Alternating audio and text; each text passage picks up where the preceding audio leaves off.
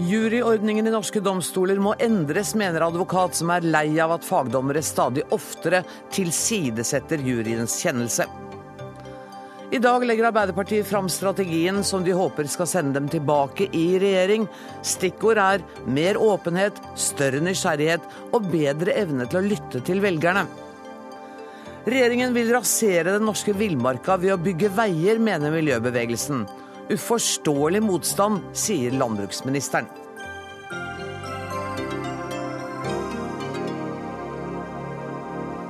Dette er noen av sakene i Dagsnytt 18 denne tirsdagen, der vi også skal høre at forslaget om å fjerne Gud fra speiderloven møter engasjert motstand. Men først. Hva er hensikten med å kalle inn folk til jurytjeneste, hvis fagdommerne likevel overprøver avgjørelsen deres? Stadig oftere opplever lekmannsjuryer at fagdommerne tilsidesetter kjennelsen. Det skriver Aftenposten i dag.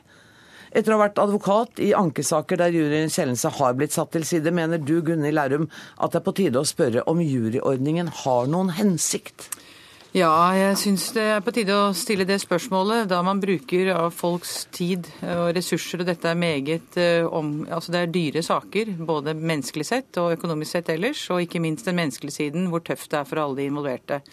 Og når de da sitter der i ukevis, denne juryen, og får beskjed av lagmannen at ja, tusen takk, dere har gjort en fantastisk innsats, men vi har ikke noe bruk for det dere holder på med. Har du opplevd det? Ja, det har jeg opplevd flere ganger. Og senest nå opplevde vi jo det nå i januar, denne saken som er omtalt i dag. Det er én av disse sakene, men det opplever man, og det må være ganske frustrerende for lekfolk å tenke at det vi holder på med, det er ikke verdt noe. For det vårt skjønn overprøves uansett av det, de faglige dommernes skjønn. De, de er, det teller mer. Og det innebærer vel da at skyldspørsmålet blir prøvd en gang til? Ja, altså i gang? ja, i realiteten så blir det jo det. For det er jo en førsteinstans som behandler dette. Og så er det da eh, i seksårssakene en jury. Altså der hvor eh, strafferammen er mer enn ja, seks år? Og, eh, ja, så det er de alvorligste straffesakene. Og så er det jo da en jury som sier ja eller nei, eller begge deler. Og i den saken som jeg nå omtaler, så svarte de begge deler. Og alt, det er jo ingen logikk i at de setter da til side alt. Både ja-spørsmålene og nei-spørsmålene.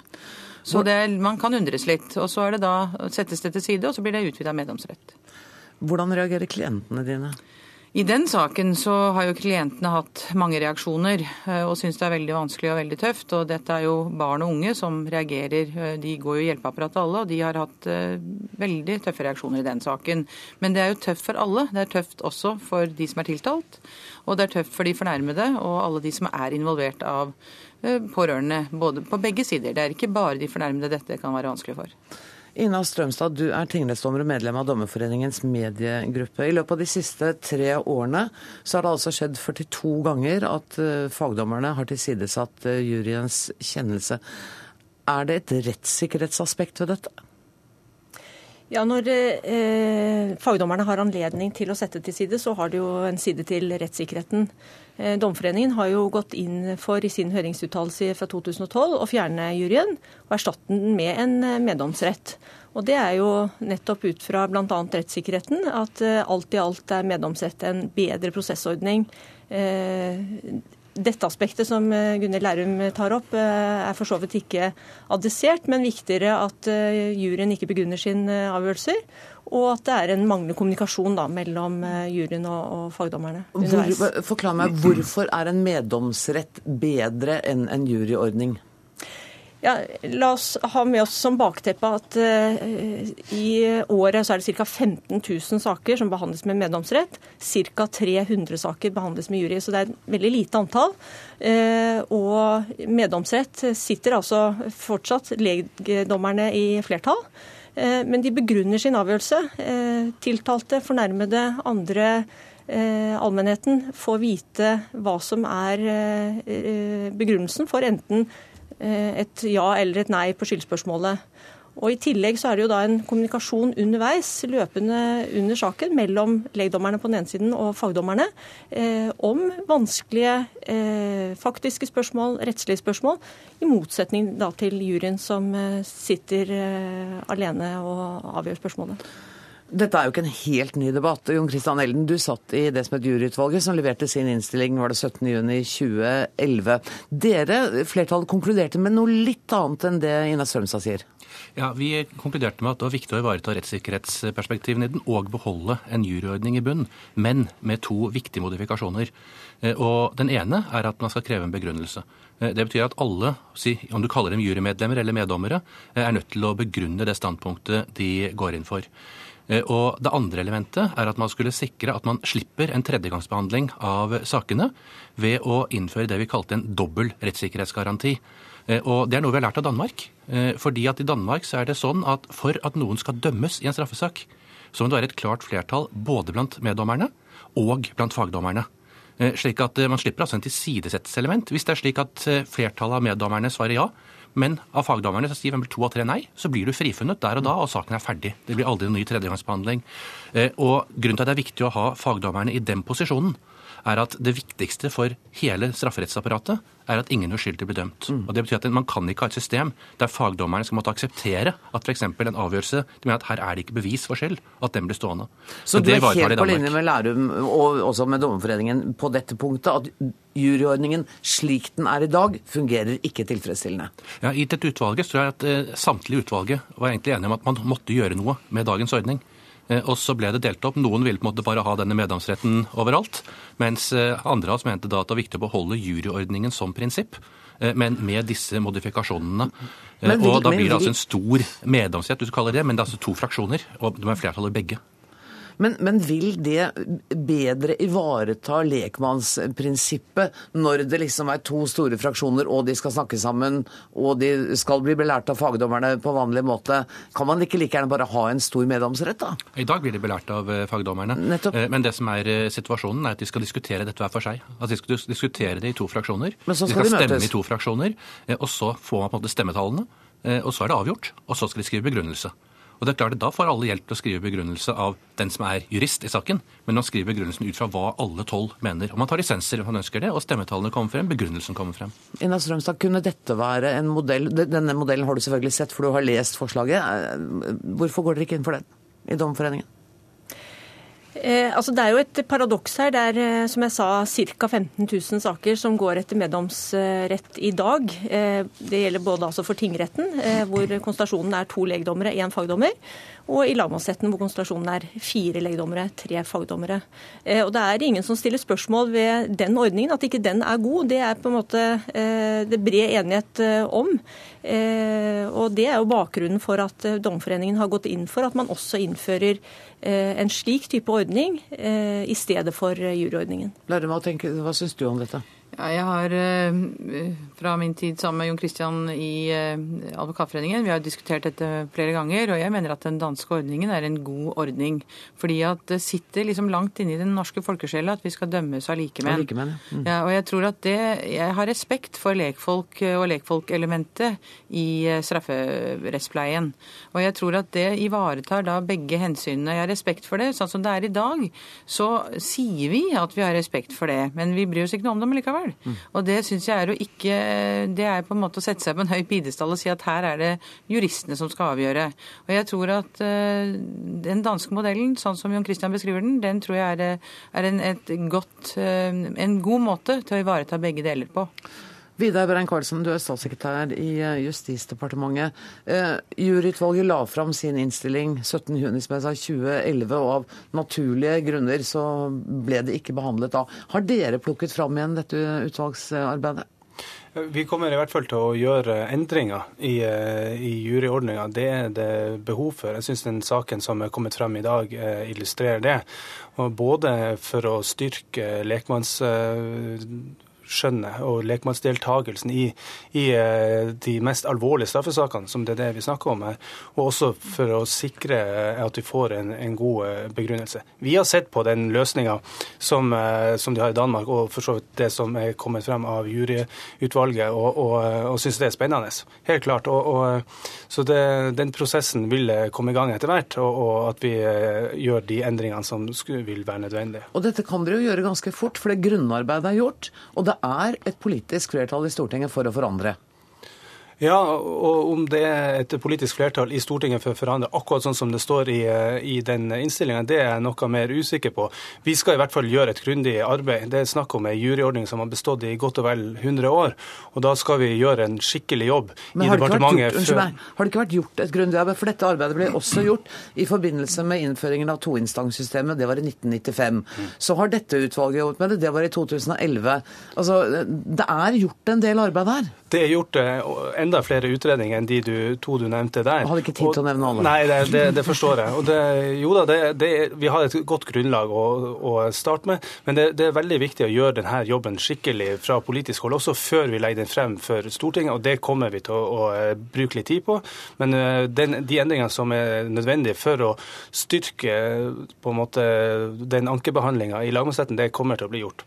Men er det også en fare her for at man ved å styrke lekmannsinnflytelsen eh, mer enn da den er i dag, eh, kan føre til en konflikt med at man svekker den juridiske fagkunnskapen? Nei, jeg tror ikke det. For som Gunhild Lærum har vært inne på både i avisen i dag og, og her, så, så det som er bekymringsfullt, er jo at man har svekka lekmannsprinsippet eh, i lagmannsretten i, i, forhold til det som er både Stortinget sine forutsetninger og ja, hele ordninga sin forutsetning. Og Det er bekymringsfullt når flere og flere av de sakene der blir eh, satt, eller de kjennelsene blir satt til side. Det som er viktig når vi skal gjøre endringer, det er å styrke eh, lekmanns, lekmannsprinsippet i, også i de mest alvorlige straffesakene, og finne den rollen de lekmenn skal ha i de her sakene sakene. Og det rettssikkerhetsmessige her, altså for meg som uh, klient eller uh, tiltalt, det betyr jo ekstremt mye. Jeg husker fra Noka-saken, hvor, uh, hvor juryens kjennelse ble satt til side. Der var fagdommerne enig i 40 av ja-punktene, og så kom det et nei-punkt, og så ble den satt til side. Er, det, er min rettssikkerhet ivaretatt godt nok sånn som det er nå? Den saken var problematisk. Man så også når den kom opp på nytt igjen, så var det også en dissensdom i lagmannsretten på, på, skyld også da. Eh, så om den dommen er tvilsom, så må det jo være den ene på han som ble frifunnet av eh, lagretten. Eh, der burde lagdommeren etter min oppfatning bare godtatt avgjørelsen til at dette har folket avgjort. For at Grunnen til at man har en tilsidesettelsesordning, adgangen til den og plikten til den, det er for å tilsidesette det dommerne mener er feil ja-svar. Mm. Altså Det er en garanti for å sørge for at ingen blir uskyldig dømt. Mens den brukes i veldig stor grad av fagdommere som har lyst til å overprøve fordi de er uenige. tenker at her ville jeg ha dømt hvis jeg var dommer. Og Det er nettopp derfor de ikke er dommere i de sakene. Ja, det er nettopp det som er poenget. Altså at fagdommerne de sier at de ønsker å ha lekelementet godt representert. Og de sier at de setter stor pris på lagrettens arbeid. Men det er som da Ellen sier, altså de, de, vil jo egentlig bli kvitt det. Og det da, da, kan de jo gjøre det ved å sette disse kjennelsene som er ubegrunnede, til side. Men Ida Strømstad, dere har jo ikke lyst til å bli kvitt legfolkene, for dere ville ha eh, meddommere? Ja, og det er viktig å understreke at eh, meddomsretten sånn som det er i dag, er, eh, der er det legdommerne som er i flertall. Og det er det jo ingen som stiller noe spørsmål til. Det skal det også være i fremtiden. Men er det ikke også skjedd en endring i retningslinjene? Heter det ikke nå at ved, eh, dersom fagdommerne er uenige, så ikke bare kan de sette til side, men de skal?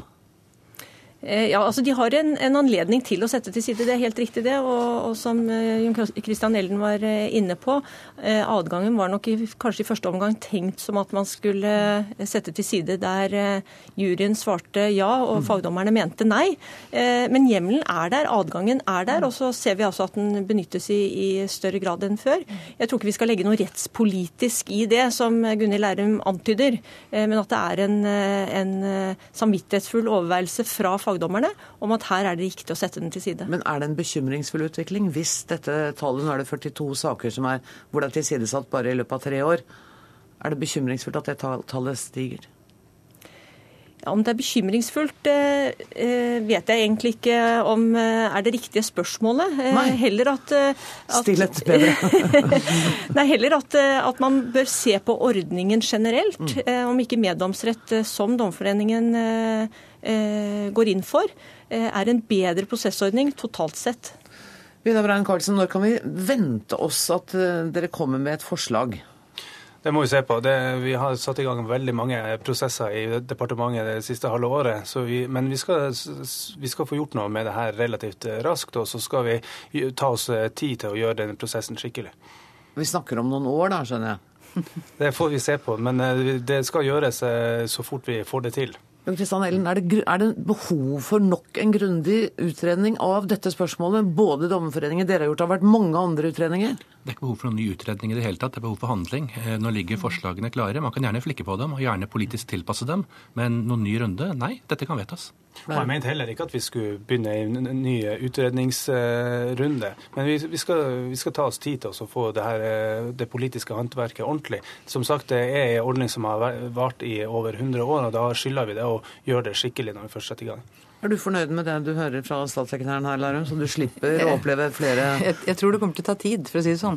Eh, og dette er jo, denne, denne saken har jo mange liv. Den har levd og levd og levd og levd. Så, men uh, utviklingen viser jo at det er flere og flere, og det er mange av mine kollegaer som sier akkurat det samme. De opplever nå at flere og flere av kjennelsene settes til side. Nå har det vært en sivilisert samtale her, men hvor skarpe er egentlig motsetningene mellom f.eks. Dommerforeningen og advokatene? Eh, mitt inntrykk er at eh, alle er opptatt av at vi skal ha en god prosessordning. Og du er en eh, diplomat, vet du. Ja, sikkert. eh, jo, men det, det, tror jeg alle, eller alle er opptatt av eh, å få en, en god prosessordning eh, som er eh, ivaretar rettssikkerhetsmessige hensyn. Jeg har lyst til å understreke det eh, igjen, at fagdommerne gjør en samvittighetsfull overveielse. rettssikkerheten tilsier da kanskje oftere enn før fordi at det er mer komplekse saker at juryens kjennelse eh, settes til side. Og det er jo for å få en materielt riktigst mulig avgjørelse. Men en eller annen gang kommer det til å skje en endring med den juryordningen. Tusen takk for at dere kom. Gunhild Lærum, Inna Strømstad, Vidar Brein Karlsen og Jon Christian Elden. Dagsnytt 18 alle hverdager kl 18.00 på NRK P2 og NRK2.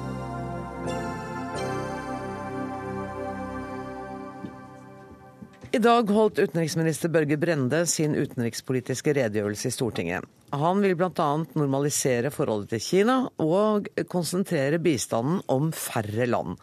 Dette skal vi straks eh, snakke mer om.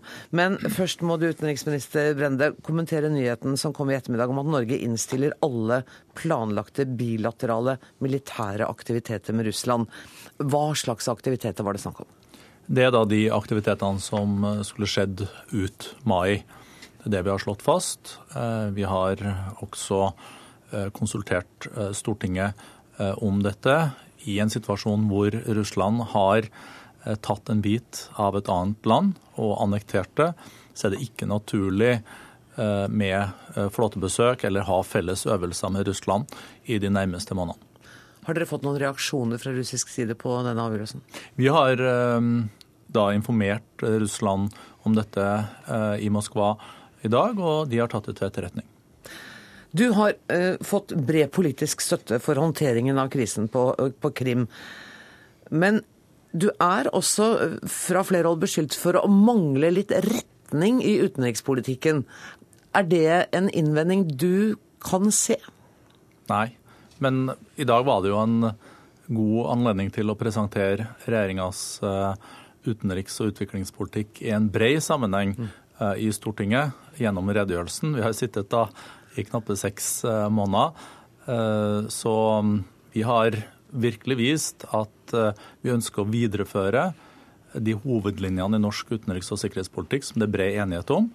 Men jeg varsla også flere taktskifter, som du var inne på. Reformer i utviklingspolitikken, økonomisk diplomati, at Norge skal følge norsk næringsliv mer aktivt uh, ute. Men jeg vil gjerne også legge til at det at Norge har greid å stått sammen nå i, om de reaksjonene vi har kommet med overfor Russland, følge opp EU og det Nato har gjort, en styrke. At vi er, og det er enighet på Stortinget om disse økonomiske restriksjonene som er innført også, fra Frp til eh, SV, eh, viser at eh, vi står samla om å ta avstand fra disse folkerettsbruddene. Og det er noe som jeg setter stor pris på, og som også gjør Norges stemme klarere internasjonalt i disse spørsmålene. Eh, du sier også at um, utenrikstjenesten skal fremme norske næringsinteresser på en strategisk og mer målrettet og helhetlig måte. Helt konkret, hva vil det si? Det betyr at vi må vokse der markedene og etterspørselen vokser. Det er slik at det er vanskeligere dilemmaer og utfordringer for norsk næringsliv eh, når de vokser i disse såkalte fremvoksende markedene. Mm. Det er land som ikke er eh, og ikke har et regelverk som er så tydelig som vi har eh, i de mer tradisjonelle markedene vi handler med, i Europa og USA.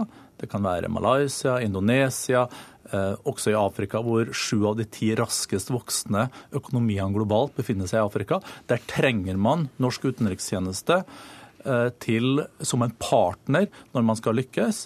Men når vi skal være en partner, så skal vi også påse at, eh, og oppfordre til at man skal forholde seg til det som er viktige menneskerettigheter og det som er viktige sosiale standarder. Annike Huitfeldt, er leder av utenrikskomiteen på Stortinget for Arbeiderpartiet. Du har etterlyst retning i den nåværende regjeringens utenrikspolitikk. Syns du den er tydeligere etter redegjørelsen i dag? Først og fremst vil jeg si at det var en god redegjørelse, og at jeg mener at utenriksministeren har håndtert situasjonen på Krim veldig godt og at han har konsultert Stortinget grundig, og at vi stiller oss fullt og helt bak hans håndtering av denne saken. Han har også håndtert andre vanskelige situasjoner, enten det er i Syria eller Sør-Sudan, på en utmerket måte. Slik at det er brei enighet om det som er hovedlinjen i norsk utenrikspolitikk. Ja, for vet Men... du hva, jeg må bare si, for I dag satt jeg også og hørte på Jens Stoltenbergs tale til landsstyremøtet. Eh, og så leste jeg redegjørelsen til Børge det, det kunne egentlig vært samme menneske. Jo, men det er jo en styrke i Norge at det er bred enighet om utenrikspolitikken. Så det som ble sagt om Krim, om Russland, der er vi helt enige. Men hvis jeg skulle eh, komme med noen utfordringer Det er jo for tidlig, slik utenriksministeren selv sier, å si at dette er hele regjeringens utenrikspolitikk. For det sies i kort tid. Så vil jeg si at Han sier at han har eh, mer ambisiøse mål, men det var vanskelig å få øye på dem ta et eksempel på nordområdesatsing, hvor han eh, signaliserte at han ville satse like mye som Jonas Gahr Støre og Espen Barth Eide på dette. Mm. Og da hadde, fylte vi jo det med en rekke konkrete tiltak, som eh, forskningsfartøy, samarbeid på universitetene, mineralstrategi, altså for å få til samarbeidet med russerne. Og jeg syns det var lite konkret her. Så det savnet jeg. Så her forventer jeg at han blir mer konkret i framtida. Og så var det ett område til, og jeg syns det var veldig bra at han signaliserer så sterkt at han ønsker å satse mer på utdanning. For det er nøkkelen til utvikling, og spesielt utdanning av jenter. Mm. Og jeg tror jo at Norge kan ha en lederrolle både når det gjelder utdanning og når det gjelder mødrehelse, vaksinasjon av verdens barn. Men når han ikke nevner vaksine, mødrehelse, så er jeg litt i tvil om man klarer å holde de to ballene i lufta sammen. For det er viktig. For dette er kontroversielt, vet du, med abortkamp, med prevensjon, som Vatikanet, en del muslimske land, kjemper imot. Slik at jeg savnet han en, med en sterkere stemme på dette området. Kan vi ikke ta uh, mødrehygiene og vaksinehelse først? Det, det er absolutt. For det er viktig å få slått fast at jeg er 100% enig med det Huitfeldt sier. Jeg, Men hvorfor sto det ikke noe om det, da? Jo, det sto om eh, både helse og videreføring av den viktige helsesatsinga. Jeg fremheva da Norge som eh, leder innenfor utdanning. Det skal vi greie i fremtida, for der har vi ikke aksla ledertrøya innenfor energi og fornybar energi. Alt dette har du fått ros for, ja, men når det gjelder vaksine, helse, så står det nei, ikke noe om det. Så var helse det tredje punktet. Nettopp. Og under helse så kommer dette med vaksinasjon. Men det mest interessante er jo at den store vaksinasjonssatsinga som skjedde gjennom Gavi og samarbeidet med Bill Gates, som den forrige regjeringa gjorde en kjempejobb på, der videreførte jeg akkurat den samme satsinga i det forslag til budsjett som er fremma for Stortinget. Mm. Så Der syns jeg er en god anledning til da å understreke det. Og så er det viktig eh, det spørsmålet som da Huitfeldt også tar opp med mødrehelse. Dette med abort og dette med prevensjon. Jeg er veldig opptatt av at i de nye tusenårsmålene som vi nå skal etablere frem, mot 2030, så må også dette med reproduktiv helse, kvinners rettigheter, dette med også prevensjon, også sikre aborter i utviklingsland, er viktig. Og dette henger sammen med Norges progressive holdning, ja. ivareta seksuelle minoriteter. Jeg har jo sjøl vært i diskusjon i studio her til deg om bl.a. vår klare holdning mot homofiendtlige lover i Afrika. Jeg håper ikke det syns at jeg er litt utålmodig nå, men jeg ble det. Da jeg leste redegjørelsen din i dag, så tenkte jeg nå skal jeg se om jeg finner direkte eller indirekte kritikk av den forrige regjeringen. Og det er kanskje ett punkt da, eh, hvor man kan ane kritikk, og det gjelder forholdet til Kina. Hvor du understreker mye tydeligere enn det som har vært gjort før, at det er viktig å få normalisert normalisert forholdet til Kina så fort som mulig. Helt kort til slutt, hvordan skal du gjøre det? Det er et møysommelig arbeid. Det har ikke vært politisk kontakt mellom Norge og Kina siden 2010. Den forrige regjeringa gjorde også en god jobb for å forsøke å få det dette til. Eh, og vi viderefører det. Men jeg sa jo til Stortinget at det er ingen enkle eh, løsninger på dette punktet. Er du, du, er i hovedsak fornøyd med, med redegjørelsen i dag, eh, Huitfeldt. Er du også fornøyd med at Norge nå kommer til å satse mer på å få et normalisert forhold til Kina? Ja, Når det gjelder Kina, så er utenriksministeren og jeg 100% enig. Der også. Tusen takk for at dere kom, Børge Brende og Anniken Huitfeldt.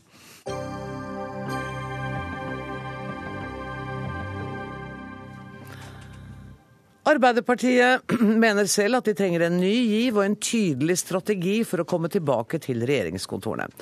Akkurat det var det altså bred enighet om på landsstyremøtet i dag. Større usikkerhet knytter det seg til hvem som skal lede partiet de neste årene, men foreløpig er det deg, Jens Stoltenberg. Og hva er den største utfordringen du ser for Arbeiderpartiet fremover? Det er å forvalte en tillit som vi har i det norske folk, på en måte som gjør at vi fortjener å vinne igjen både i kommunevalget om halvannet år og stortingsvalget om tre og et halvt år. Og Det handler om de sakene vi har diskutert her nå, om kunnskap, om klima, om helse.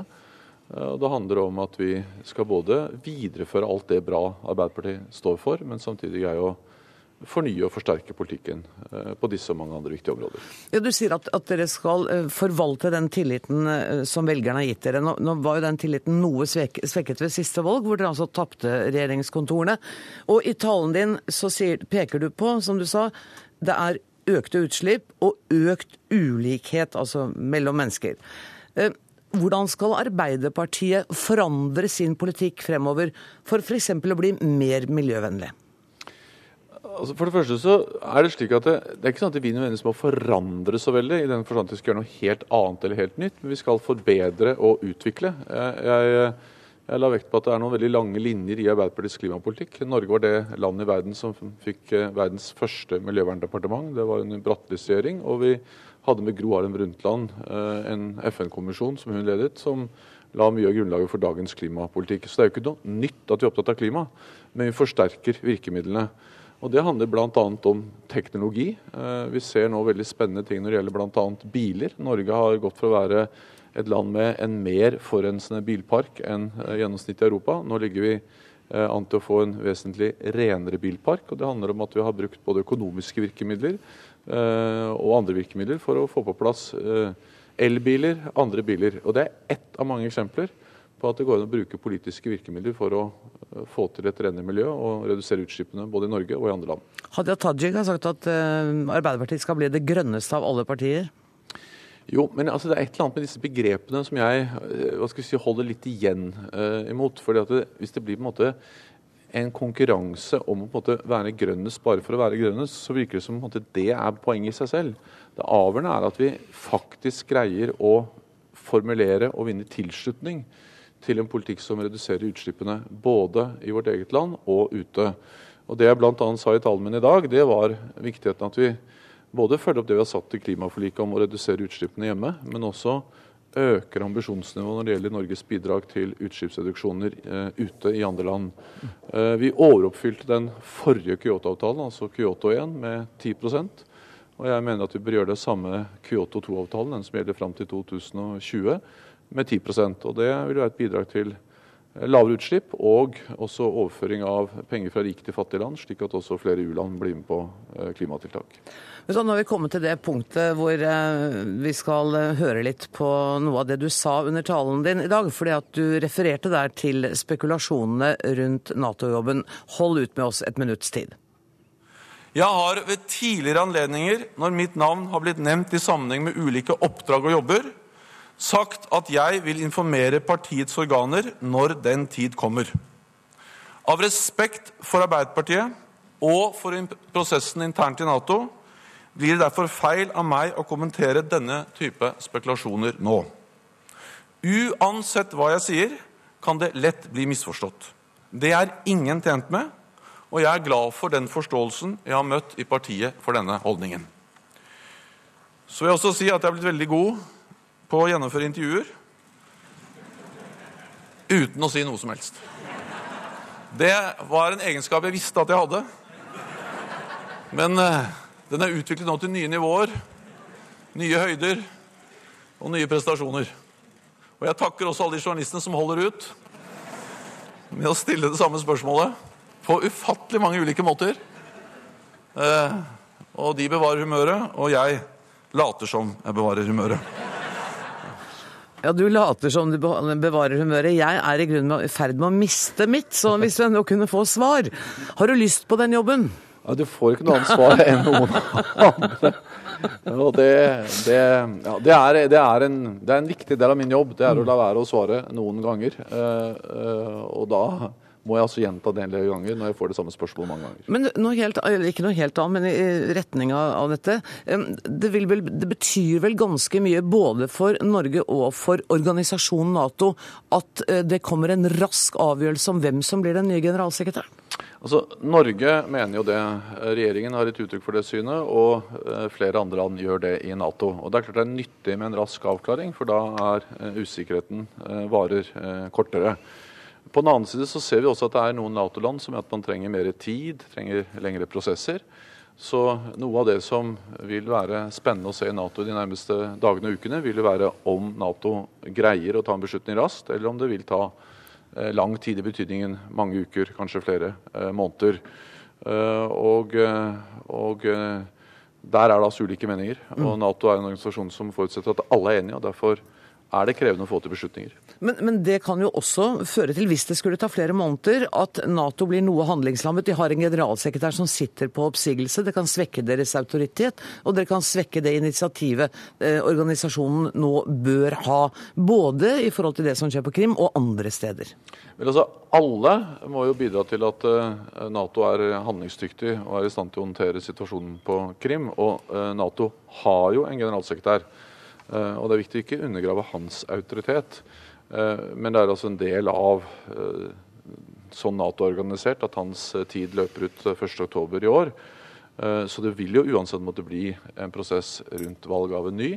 Men mange mener at det er en fordom det går fort for å markere enighet i Nato og har en kort periode med usikkerhet. Og din evne til å gi tomme svar har nådd ytterligere nye høyder. Skal vi gå tilbake og snakke Vi har litt tid igjen.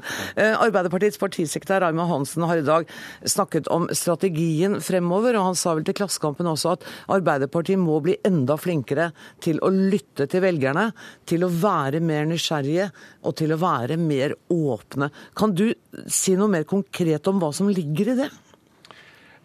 Det ligger i det en erkjennelse av at når man har sittet med makt så lenge som Arbeiderpartiet har, eh, så kommer man lett i en situasjon der man eh, alltid er i forsvarsposisjon, alltid eh, forsvarer ting. Og noe av det som gjør Arbeiderpartiet til Arbeiderpartiet, er at vi skal være et samfunnskritisk parti. Vi skal være, som vi har sagt i mange år, stolte, men ikke fornøyde. Vi er veldig stolte av det samfunnet vi har vært med på å skape i Norge, som en drivende politisk kraft men vi må aldri bli tilbakelente eh, og fornøyde. Og jeg synes for Skolepolitikk er et eksempel på det. Jeg er stolt av at norsk skole eh, er blant de skolene i verden som utjevner forskjeller mest. Jeg er stolt av at vi tross alt ser framgang i norsk skole eh, på mange internasjonale undersøkelser. Men vi er jo på ingen måte fornøyde, og derfor må vi være veldig utålmodige i forhold til å utdanne flere lærere, gjøre noe med frafallet og gjøre noe med eh, alle de ungene som sliter tidlig i skoleløpet. Mm, så du gleder deg til eh, å fortsette å lede dette dynamiske partiet. Tusen takk for at du var med i Dagsnytt 18 i dag, Jens Stoltenberg. Magnus Takvam, politisk kommentator her i NRK. Var det en partileder som holdt sin siste tale som partileder vi hørte det? Man kan jo ikke se bort fra det. Avgjørelsen kan, som mange har vært inne på, komme om en ukes tid i, i Brussel. Og jeg fornemmer en stadig større selvsikkerhet og tro på at det går Jens sin vei, såkalt, i, i Nato. Både blant Eh, Arbeiderpartiets egne folk og andre som følger denne prosessen. Så det blir en sånn typisk norsk greie, dette her, med at alle heier på Jens. Og så vil det jo da bli et veldig antiklimaks, da, hvis det ikke går eh, mot formodning. Ja, og hvis det ikke skulle bli eh, At han ikke skulle bli utnevnt i denne omgang, har han ikke da så tydelig signalisert at han er på vei inn i noe internasjonalt, at han uansett er uaktuell som leder? Det er det litt delte meninger om ettersom hvem du spør. Men det er klart at psykologisk sett så har han jo gitt en beskjed om at uh, han ser for seg andre ting enn bare det å være uh, leder i Arbeiderpartiet. Så uh, det spørs nok om, om ikke det som nå har skjedd, gjør hans sorti som partileder at den uansett vil komme raskere enn han kanskje hadde planlagt. Det kommer til å bli diskusjon om både lederverv og nestlederverv også i Arbeiderpartiet. Men kommer vi til å se eh, den type hva var det, gjørmekamp som ble brukt om krangelen i, i Senterpartiet? Vil, vil vi se noe sånt her? Nei, det tror jeg ikke. Altså, Om ledervervet så er det stort sett enighet om at det er Jonas Gahr Støre som har størst oppslutning. Eh, den som alltid har vært nevnt som en mulig rival, Trond Giske og hans tilhengere, innser nok at de i en eventuelt sånn kampsituasjon ikke ville greie, tror jeg, å mobilisere flertall på et landsmøte. og og da snakker tilhengerne hans om andre posisjoner i partitoppen, som, som nestleder osv. Så videre. så, men så er det klart at det er jo nå legitimt for alle miljøer, fylkeslag og uh, miljøer i Arbeiderpartiet å fremme sine uh, kandidater uh, når man eventuelt skal legge en ny kabal. Raymond Johansen eh, har i dag snakket i landsstyremøtet om strategien. Eh, det var et lukket møte hvor pressen ikke var til stede. Men vil, eh, hvis det nå kommer et lederskifte nå, vil det få en umiddelbar virkning på politikken til Arbeiderpartiet? Ikke i stor grad, men det er klart du vil altså Både personen som leder partiet vil jo gjøre noe med måten folk oppfatter Arbeiderpartiet på. Og det er klart at eh, Jonas Gahr Støre har en noe annen profil enn det Jens Stoltenberg har, også på miljø, kanskje på integrering osv. Og, så og han har ikke den bakgrunnen som sånn som er oppvokst, som de sier. Han har ikke overnatta i gymsaler og sånn siden han var 15 år. Så han har en, en annen tilknytning til Arbeiderpartiet og arbeiderbevegelsen. Eh, men vi hører jo på Jens Stoltenberg her når han prøver å si, snakke om ny politikk, at han er veldig opptatt av at det er en videreføring hele veien. Det skal ikke skje noen brudd. Og det er klart at Hvis han hadde sagt at nå må vi liksom uh, gjøre noe totalt uh, annerledes og nytt, så ville jo det vært en dom over hans eget uh, regime også. Så han snakker om liksom, de små skritts forandring. Mm. Eh, sosialdemokratiets stille revolusjon osv. Så, videre. så jeg tror det er mer det Det er den måten de vil, vil forholde seg til det på. Tormod Heier, oberstløytnant og forsker ved Forsvarets stabsskole. Du forsker bl.a. på Norges forhold til Nato. Eh, hva slags rolle er det Stoltenberg nå ser ut til å bli tilbudt? Ja, Hvis han altså får eh, denne stillingen som generalsekretær, så vil jo det være altså den andre på rad av eh, statsledere etter Fogh Rasmussen, som blir generalsekretær. Det er jo for så vidt da noe man kan trekke ut som et visst mønster, som hever alliansen betydelig i forhold til om det bare var, kom fra en utenriksminister- eller forsvarsministerpost. Men det er jo et, et, en allianse han overtar, som er eh, som er holdt på å si, i krise. Men det har jo Nato alltid vært. Alltid vært. så det er for så vidt ikke noe nytt. Men det er en ganske fragmentert allianse som, eh, som mange etterlyser trenger mye tydeligere og klare retningslinjer. Hvorfor tror du han er en aktuell kandidat? Ja, Det er kanskje flere forhold. Jeg tror den, den, den viktigste årsaken, slik jeg ser det, det tror jeg at Norge har et omdømme i Nato for å være en av de mest progressive, eh, transformasjonsvilje landene, medlemmene, som har virkelig brukt forsvarsressursene på en veldig smart og effektiv måte og fått frem styrker som Nato virkelig etterspør, og som de syns virker veldig relevante i de operasjonene hvor de har vært med de siste 10-15 årene. Har vi vært lydige? Ja, det tror jeg vi på mange måter kan si. Men samtidig har vi også vært litt ulydige. Særlig under Stoltenberg II-regjeringen fra 2005 til 2013. Så har jo de ved flere anledninger f.eks. de takket nei til å være med i uh, krigen i Irak. De takket nei til å fortsette å være med i Operation Enduring Freedom, den litt kontroversielle antiterrorkrigen som ble ført ved siden av ISAF-kampanjen i Afghanistan. Eh, og de ville jo ikke sende spesialstyrke og jagerfly til Sør-Afghanistan. Så de har ikke bare vært eh, lydige. Eh, men som de selv sier, nære allierte kan tillate seg å være litt uenige en gang iblant. Men dersom han skulle bli generalsekretær i Nato, ville det legge noen ekstra sterke bånd på den norske regjeringen til enda større lydighet? Nei, jeg tror ikke det, fordi da vil jo i så fall Stoltenberg være generalsekretæren for Nato, ikke, ikke Norges mann. Men på den annen side så vil jo selvfølgelig Norge ønske å og det har alltid vært viktig for Norge å fremstå som en av de flinkeste i Nato-klassen. Eh, prøve å vinne frem i det vi kaller for Natos beauty contest. Og grunnen til det er jo fordi at Norge er veldig redd for å bli marginalisert i utkanten av Europa, utenfor Europa, med felles grense til Russland, og et potensial for en bilateralisering av krisene med Russland. Så det å alltid være eh, mm, aktive og flinke i klassen, det, og det ser kanskje nå ut også til å ha, ha lønt seg. Ja, for det, eh, I utenriksredegjørelsen til Børge Brende i dag så sier han også at på Nato-møtet som skal være i september i Wales, så skal Norge igjen være med på å vise at vi er villige til å styrke Nato, og også villige til å styrke våre forsvarsbudsjetter. Ja, og det er typisk det. De landene som er mest allianseavhengige og trenger mest amerikanske sikkerhetsgarantier, som ligger nærmest Russland, de er alltid de mest progressive og de mest innovative når det gjelder å imøtekomme noe som i all hovedsak er amerikanske påtrykk for å øke moderniseringen og få mer forsvarsevne ut av hver, ut av hver krone. Og Norge har jo nå rykket opp en divisjon i Nato ved at vi har forsvarsbudsjetter som er dobbelt så store som eh, Danmark, større enn Spania og på linje altså med Polen og Nederland. Og det gjør også inntrykk i et eh, litt kriserammet Europa. Hvor viktig syns du det er at det kommer en rask avgjørelse om hvem som blir ny generalsekretær? Ja, ingenting å si. Ja, ingenting å si. Nei. Eh, kan jeg bare spørre deg, da Kommer det til å bli Jens Stoltenberg? Det blir jo som å spekulere. Jeg tar en råsjanse og sier ja. Okay. Da får vi se om du får rett. Tusen takk for at dere kom i studio, Magnus Takvam og Tormod Heier. Hør Dagsnytt 18 når du vil. Radio NRK Radio.nrk.no.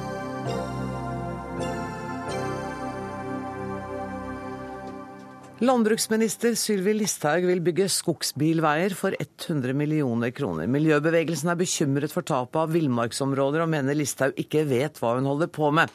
Nina Jensen, først til deg. Du er generalsekretær i WWF. Hvorfor er skogsbilveier en trussel mot miljøet?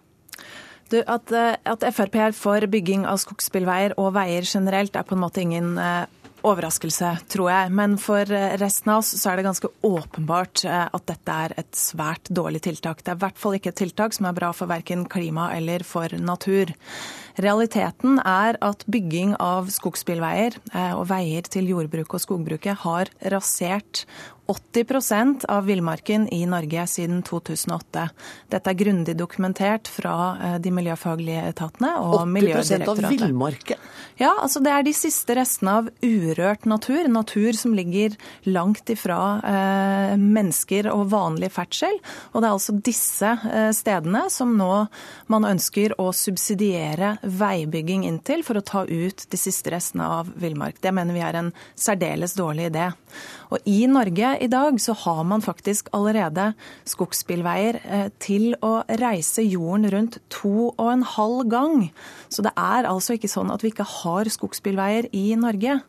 Hvis man er opptatt av klima og natur, så er det absolutt beste tiltaket å sørge for å verne om den unike gammelskogen som vi har, hvor også halvparten av de truede artene i Norge lever, og så drive effektivt skogbruk på de gjenværende 90% av skog som man har tilgjengelig. Men var du da ikke helt våken da vi hadde den forrige regjeringen? For de brukte også mange millioner på både vedlikehold og bygging av skogsbilveier. Ja, dette er vi fullstendig klar over, så dette er en kamp vi har holdt på med i mange år. Men litt i stillhet, eller? Nei, overhodet ikke. Og vi er jo ikke alene om å påklage dette heller. Eh, OECD har jo klaget dette inn eh, for Norge gjentatte ganger og bedt om at disse subsidiene fjernes. Eh, dette har vært diskutert i Stortinget gjentatte ganger, og at disse eh, subsidiene skal gjennomgås. Og vi er også forpliktet i henhold til FNs biokonvensjon om å fase disse subsidiene ut. Så det at de nå faktisk ikke bare fortsetter, men at man faktisk velger å øke de med 40%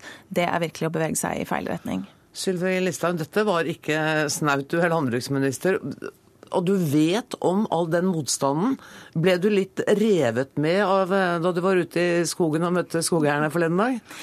Jeg mener at skognæringa har en utrolig framtid for Norge. Vi har ekstremt med skog stående rundt eh, nesten i hele landet. Ressurser som vi kan ta ut, som kan gi mer eh, arbeidsplasser, økt verdiskapning. Og vi er dårligst i, i Skandinavia på både skogsbilveiutbygging og på å nyttiggjøre oss disse ressursene. Det som jeg syns er så rart med argumentasjonen til miljøbevegelsen, det er at de på den ene sida er opptatt av at vi skal erstatte olje, gass og kull med fornybar energi, biomasse, som da trestokkene representerer. Men på den andre sida så skal vi ikke bygge skogsbilveier som gjør det mulig å komme fram til disse trestokkene, tatt dem ut og da foredler de videre til nye produkt. La meg ta et eksempel. Coca-Cola utvikler nå nye eh, flasker, plastflasker der de erstatter oljeplast med trebasert plast. Det er en veldig miljøretta og god måte å tenke på. Og Borregaard, som jeg besøkte i dag, er en av de bedriftene som virkelig har gjort eh, det stort på å utnytte disse ressursene, lage nye Eh, ting som vi kan leve av i framtida. 15% av det Borregaard nå tjener av, av, eh, penger, det kommer fra produkt som ikke fantes for fem år siden. Så mitt poeng er at du kan ikke, liksom, du kan ikke få i pose og sekk. Hvis du ønsker å utnytte skogen, så må du ta den ut. Eh, få den ut av skogen. Og det er sånn at På Østlandet så trengs det en opprustning av skogsbilveiene, fordi at standarden er for dårlig til å kunne drive en moderne skogsdrift. Før så reiste han rundt med øks og, og traktor eh, og, og gammeldagse måter å gjøre det på. Nå er det store skogsbilmaskiner som vi må få fram til trestokkene. På Vestlandet så er det nesten ikke vært utbygging av eh, disse skogsbilveiene, så der trengs det en storstilt utbygging. Jensen, vi må kunne drive skogen. Det er vi jo helt enig i. Og det er jo ingen tvil om at skognæringen er en utrolig spennende og viktig næring for Norge, med stort vekstpotensial. Men vi har altså, som Listhaug sier, store mengder med skog tilgjengelig. Vi trenger da altså ikke å subsidiere skogsbilveier inn til de siste unike restene av gammelskog. Det er et dårlig tiltak for klimaet, for eh, naturen og for økonomien. Det man istedenfor trenger, er jo eh, å satse stort på de eh, andre arealene som man har tilgjengelig, hvor store mengder med skog vil bli hogstmoden i løpet av relativt kort tid. Det betyr altså 90 av eh, skogen tilgjengelig for økt hogst, og da 10% bare av den unike, gamle skogen som bør settes av til vern. Og det å tro at det er norsk skog som skal redde klimaproblemet, det er jo rett og slett å klamre seg til en flis. Det er jo ikke noen tvil om at dette også er et viktig tiltak, men hvis man er opptatt av klima, så er jo det absolutt viktigste man kan gjøre å erstatte den fossile energien med fornybar energi fra havvind eh, og annen type satsing. Og jeg har bare ett viktig poeng til. Og det er i våre skoger eh, så er altså verdens største karbonlager. Dette er lagret i jordsmonnet vårt, og ikke minst i de gamle, store trestokkene i gammelskogen. Hvis vi hogger denne skogen, så får vi stor karbonlekkasje karbonlekkasje. Får, den blir erstattet med mindre trær, som da vil ta lang tid før den har samme oppsamlingstid for karbonet. Og ved flathogst så vil all karbonet som er lagret i jordsmonnet, som er den største karbon, eh, karbonlageret i verden, frigjøres. Det er et særdeles dårlig klimatiltak. Landbruksministeren rister på hodet. Ja, det er feil. Altså, FN sin klimapanel som kommer i april, sier jo nettopp det at å drive skogen, det å ta ut skog, plante på nytt, det gjør at du binder mer CO2. Men dette er i kontrast til skog, den unike gammelskogen aktiv, som har stått gjennom hundrevis av år. Aktiv skog binder mer CO2 enn det eh, en ellers gjør. Og så er det en annen ting med skogsbilveiene. Det er også et fantastisk rekreasjonsmulighet for den norske befolkninga. En mulighet til å, å bygge folkehelse. Eh, jeg ser bare der... Pussig hvordan Naturvernforbundet reagerer jo. Den norske turistforening misliker dette forslaget. Ja, men hvis du spør folk flest da, eh, rundt omkring der de har sånne typer veier, så er jo det ofte de mest populære turstiene som finnes. I min hjembygd så bygde de en ny skogsbilvei fordi vi fikk en av disse nye mastene. Det er den mest populære utfartsplassen i hele kommunen, og sånn er det ellers òg. I Nordmarka nå i vinter, hadde ikke det vært for at vi hadde veier innover, så ville det knapt vært et skispor i hele Nordmarka. Det betyr at disse veiene er positivt både for folk flest, folkehelse, rekreasjon. Det er positivt for verdiskapning, eh, arbeidsplasser i distriktene som kan, dette kan bidra til. Og, og det er positivt for miljøet, fordi vi kan utnytte det og skape nye produkter som vi skal leve av i framtida. Miljøbevegelsen er mot, mot, mot alt. Mot olje, Nei, mot kull, altså mot gass, riktig. mot ditt og mot datt. Eh, Mens jeg mener vi må tenke litt langsiktig og bruke de ressursene som vi har. Det er altså allerede masse tilgjengelig eh, bioråstoff fra eh, skognæringen som ikke utnyttes i dag. Ved å bruke det mer effektivt, så kan man også få i gang større biodrivstoffproduksjon. Det er ett tiltak. Det, er altså ikke noen motsetning mellom å ta vare på den unike skogen som hundretusener av mennesker i Norge setter pris på som en friluftsopplevelse. Det å subsidiere veibygging inn i disse områdene er et dårlig tiltak. Men hvis man da istedenfor kan bruke disse subsidiene som du sier, til å oppgradere eksisterende bilnett, og ikke minst bidra til at man får tatt ut f.eks. Sitkagran, som er et miljøproblem, så vil jo det være gode tiltak. Men ikke inn i de siste unike restene av gammelskog. Konkrete forslag her fra Jensen. Det, ta det med deg. Sitkagran ut og rehabilitering av de eksisterende veiene, så blir dere fornøyd. Tusen takk for at dere kom, Sylvi Listhaug og Nina Jensen.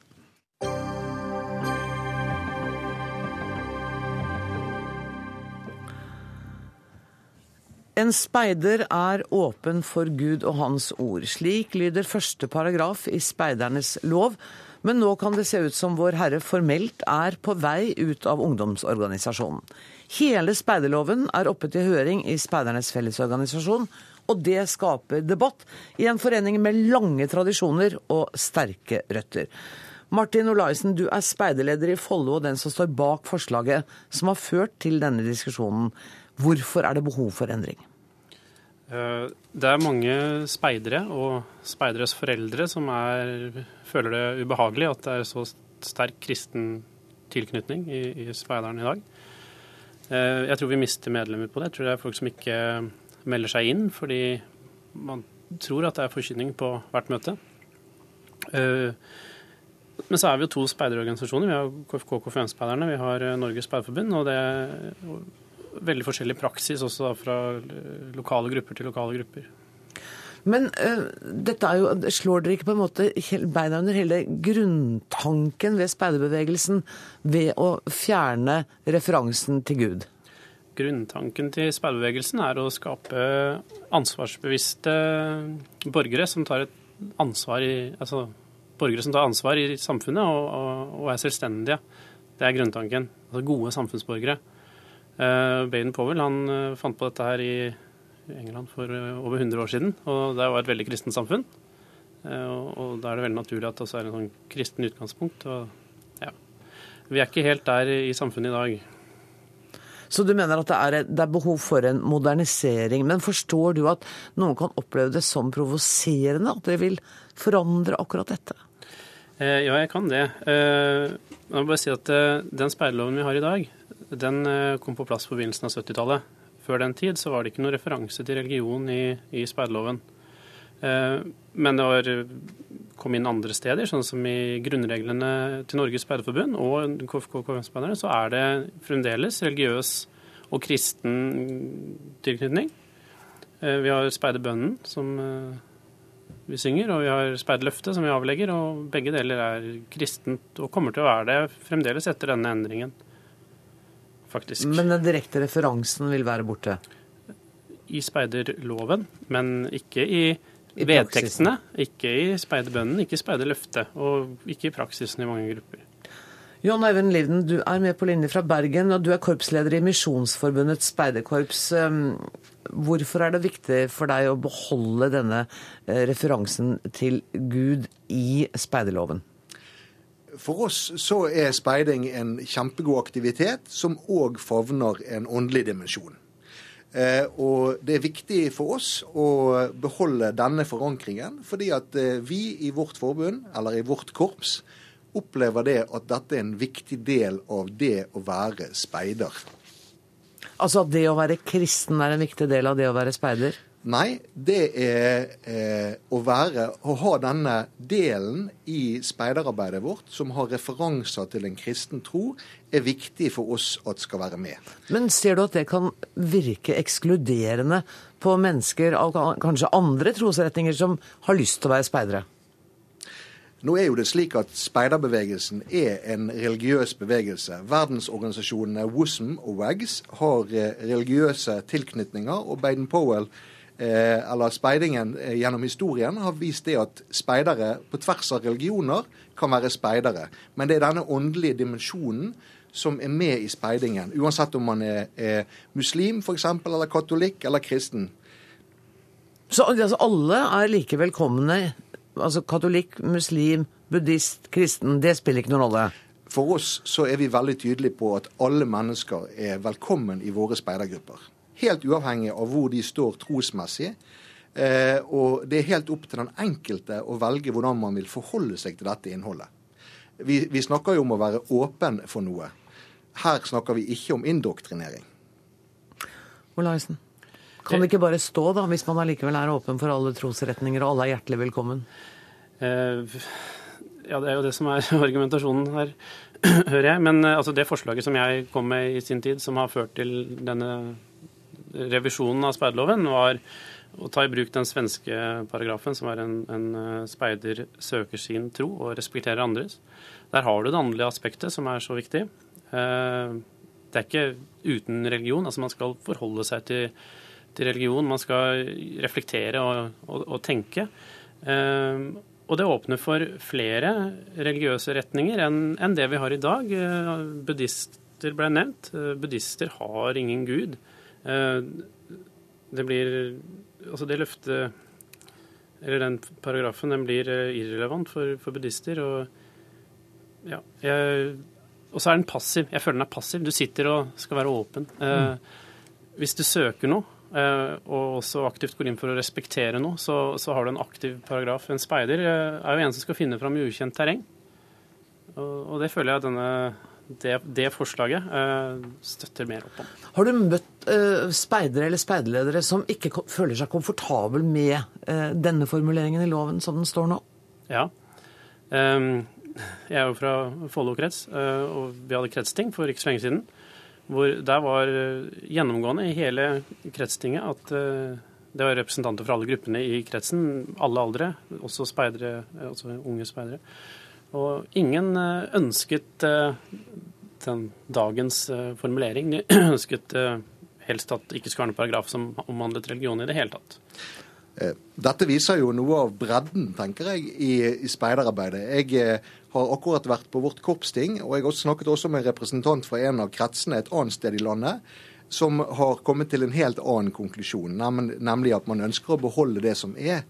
Eh, og jeg tror at det er noe av det som, som eh, synliggjør at det er en veldig stor bredde innenfor speidingen. Eh, disse forskjellene er jo heller ikke slik at det, det er ett forbund, f.eks. For KFUM, KFUK, der man er helt på den ene siden i denne diskusjonen, og så er det et annet Norges Speiderforbund der vi er på den andre siden her er forskjellene like store innad i hvert av disse forbundene. her. Mm. Eh, og det er klart det at eh, dette er jo et uttrykk for at samfunnet vårt er i bevegelse og i endring. Jeg er enig i at eh, ordet 'søker' er et mer aktivt ord. Eh, enn en å være åpen. Man kan jo forestille seg at noen bare skal sitte der og gape. Ja. Men, men, men, eh, men å søke sin tro og respektere andres, var ikke det en fin formulering?